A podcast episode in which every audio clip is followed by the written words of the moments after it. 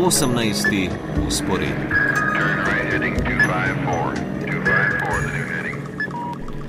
Azija, odkuder v zadnjih mesecih poroča naša dopisnica Karmen Švegal, je te dni prizorišče vsaj dveh pomembnih srečanj odločevalcev o svetovni sedanjosti in prihodnosti, ki so med drugim eh, zaznamovana tudi z razvojem vojne v Ukrajini. Eh, zelo na kratko povzeto, več pa torej z našo poročevalko. Karmen, pozdravljena.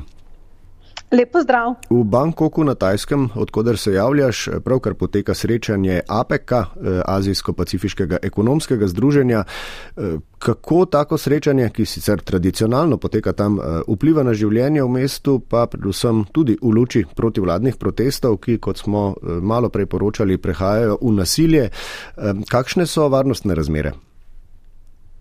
Ja, varnostne razmere so zelo so poustrili, seveda.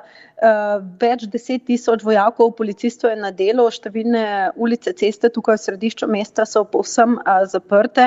Stanovalci so morali vnaprej pridobiti propustnice, da lahko torej pridejo čez te nadzorne točke domov. V bistvu z avtomobili se je prepovedano voziti, tako da je velika gneča na metroju, torej na javnih prevoznih sredstvih, če tako rečem. Poskrbela so oblasti sicer, da do nekaterih območij omogočajo omogočijo ljudem dostop z, z kombiji, ki ljudi peljejo domov.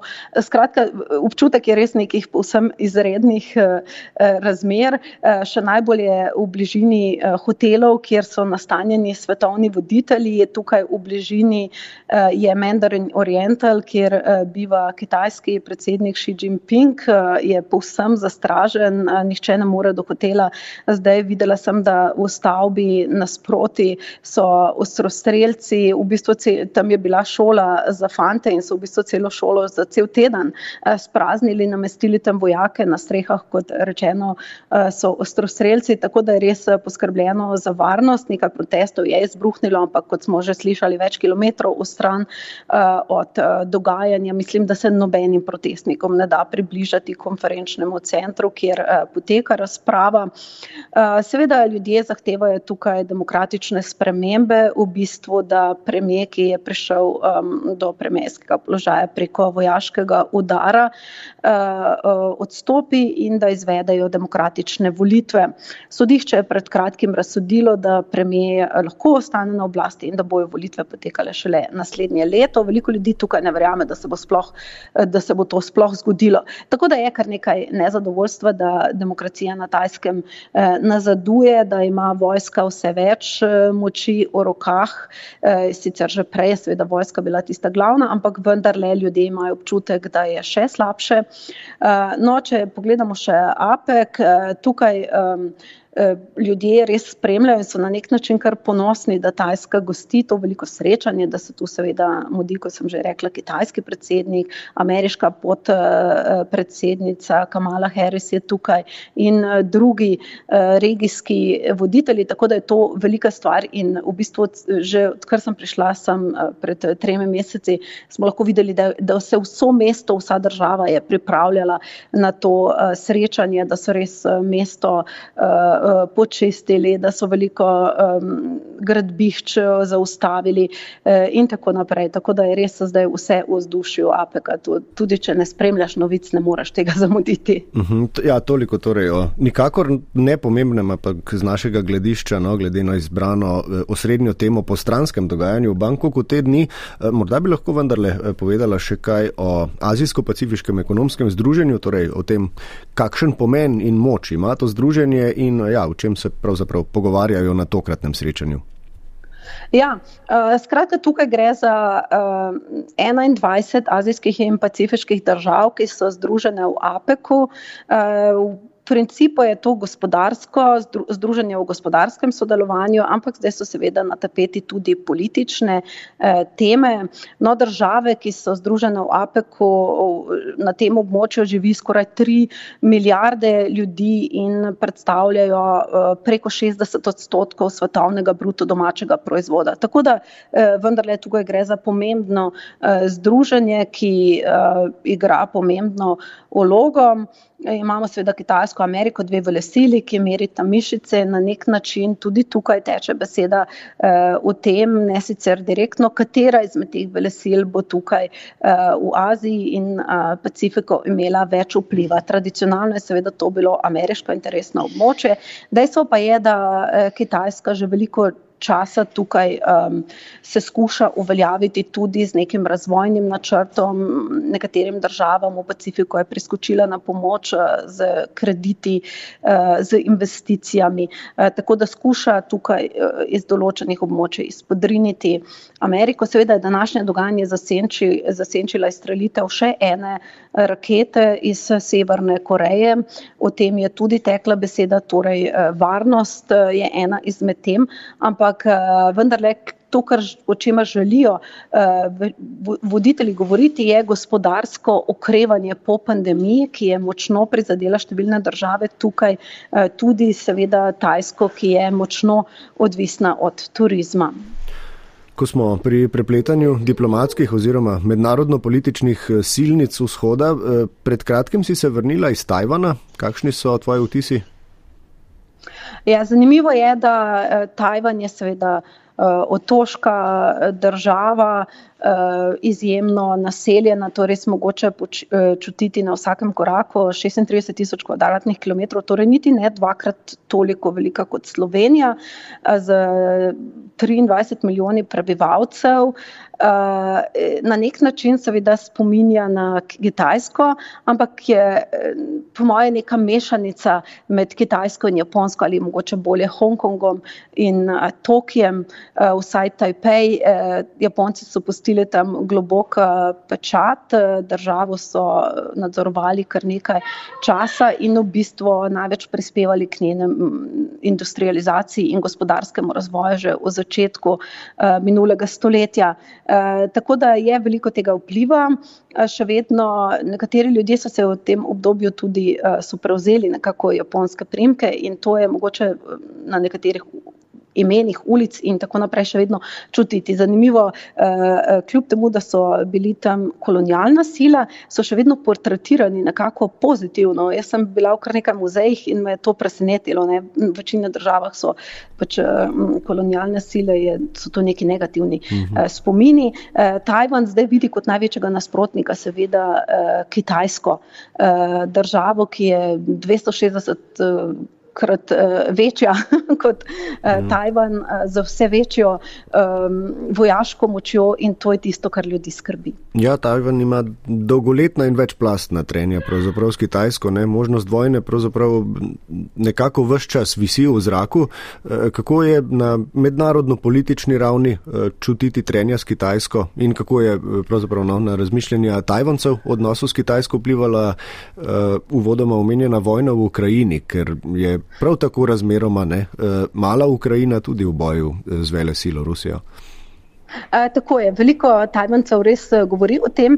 Lahko rečem, da je ta vojna seveda že vedno visela v zraku, ampak z začetkom vojne v Ukrajini, torej z rusko invazijo, je to postalo za ljudi neka eh, možna resničnost, to, kar bi se dejansko lahko zgodilo.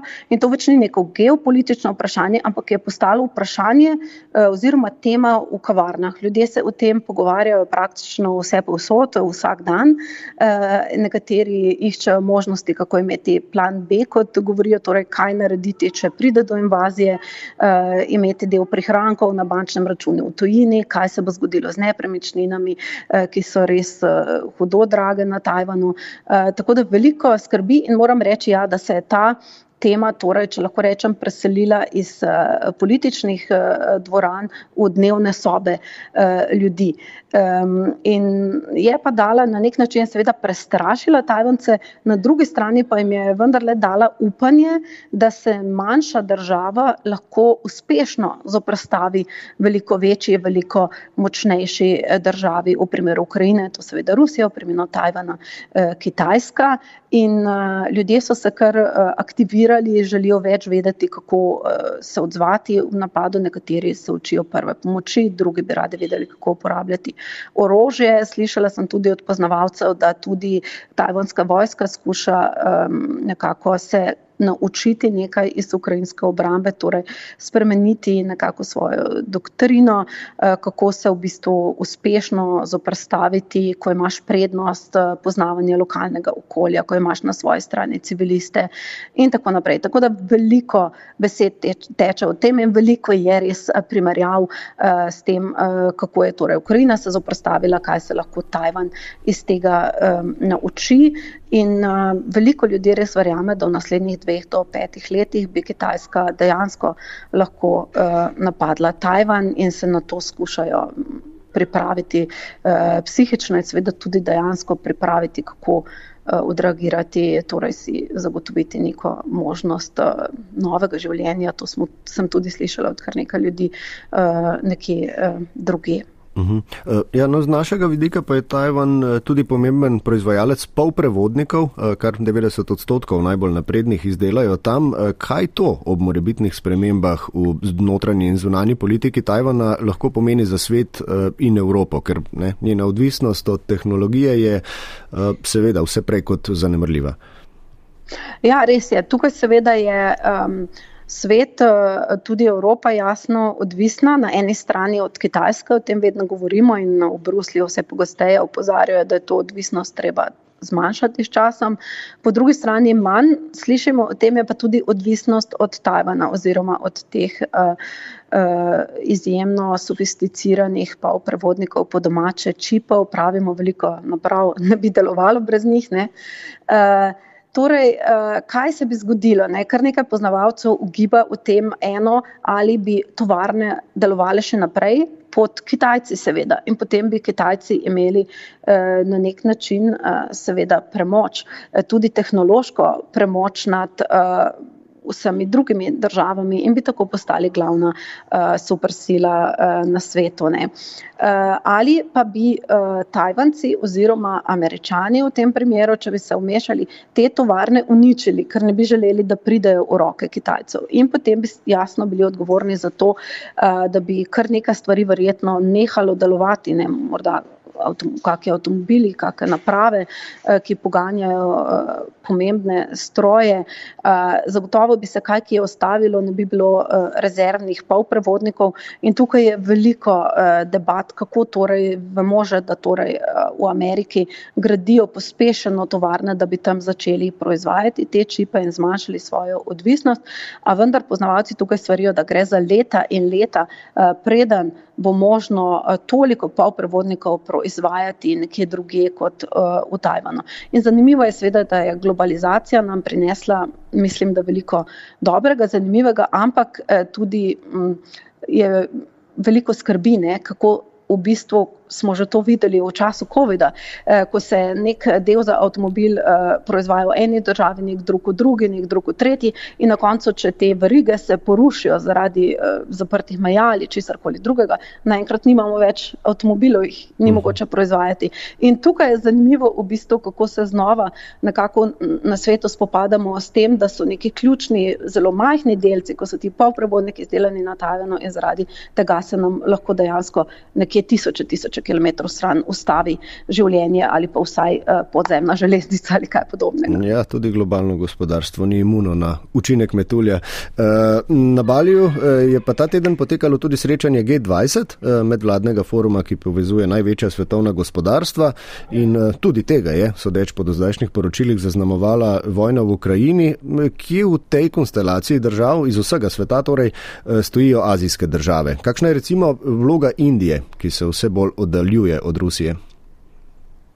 Ja, zanimivo je tukaj seveda kar nekaj um, pragmatizma, oportunizma, lahko rečemo. Ne? To so majhne države, nekatere izmed njih izjemno odvisne od Kitajske, spet druge. Um, poskušajo nekako trgovati, če tako rečem, eh, poslušati na eni strani Kitajsko, po drugi strani eh, eh, so dovzetne za vpliv Združenih držav Amerike in na tretji strani jih zanima seveda tudi poceni nafta, plin, ki jim ga je pripravljena prodati Rusija. Tako da, kot rečeno, spremi, lahko spreminjajo mnenje čez noč, svojo pozicijo. Indija je seveda velika država, na začetku je s pridom izrabila priložnost, da je kupovala prav tako rusko nafto, plin, celo premog, seveda potrebuje energijo in je tukaj podprla na nek način Rusijo. Lahko pa smo videli potem že septembra v Kazahstanu, ko sta se srečala indijski premijer Modi in ruski predsednik Putin, je Modi dejal, da čas, v katerem živimo, ni čas vojne. In to je nekako besedna zveza, ki je odzvanjala tudi na Baljo. In tukaj je veliko poznavalcev bilo mnenja, da torej pobuda prihaja za to skupno izjavo, ki je na koncu bila zelo kritična do Rusije, presenetljivo kritična v taki konstelaciji, kot G20 je, da je torej odmevala ta Modijeva izjava o času vojne, ki torej nikakor ni naš čas, pozivi k reševanju krize za pogajalsko mizo in vse to, kar smo že slišali. Tako da Indija tukaj vidi očitno priložnost, da se postavi, da je lahko med Rusijo in med Zahodom in se nekako odmakne od te odvisnosti od Rusije, kar se tiče energentov, in skuša nekako se ponuditi kot vmesni faktor med Zahodom in Rusijo in na drugi strani Kitajsko, pred katero ima Zahod vse večji strah. In tukaj pač se razvija neko to zavezništvo Zahod. Indija, ki bi lahko bila proti utež, proti Kitajski.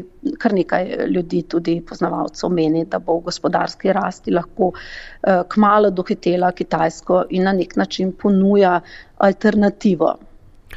Karmen Švegel je bila z nami v oddaji 18. usporednik. Karmen, hvala, lepo zdrav na Tajsko.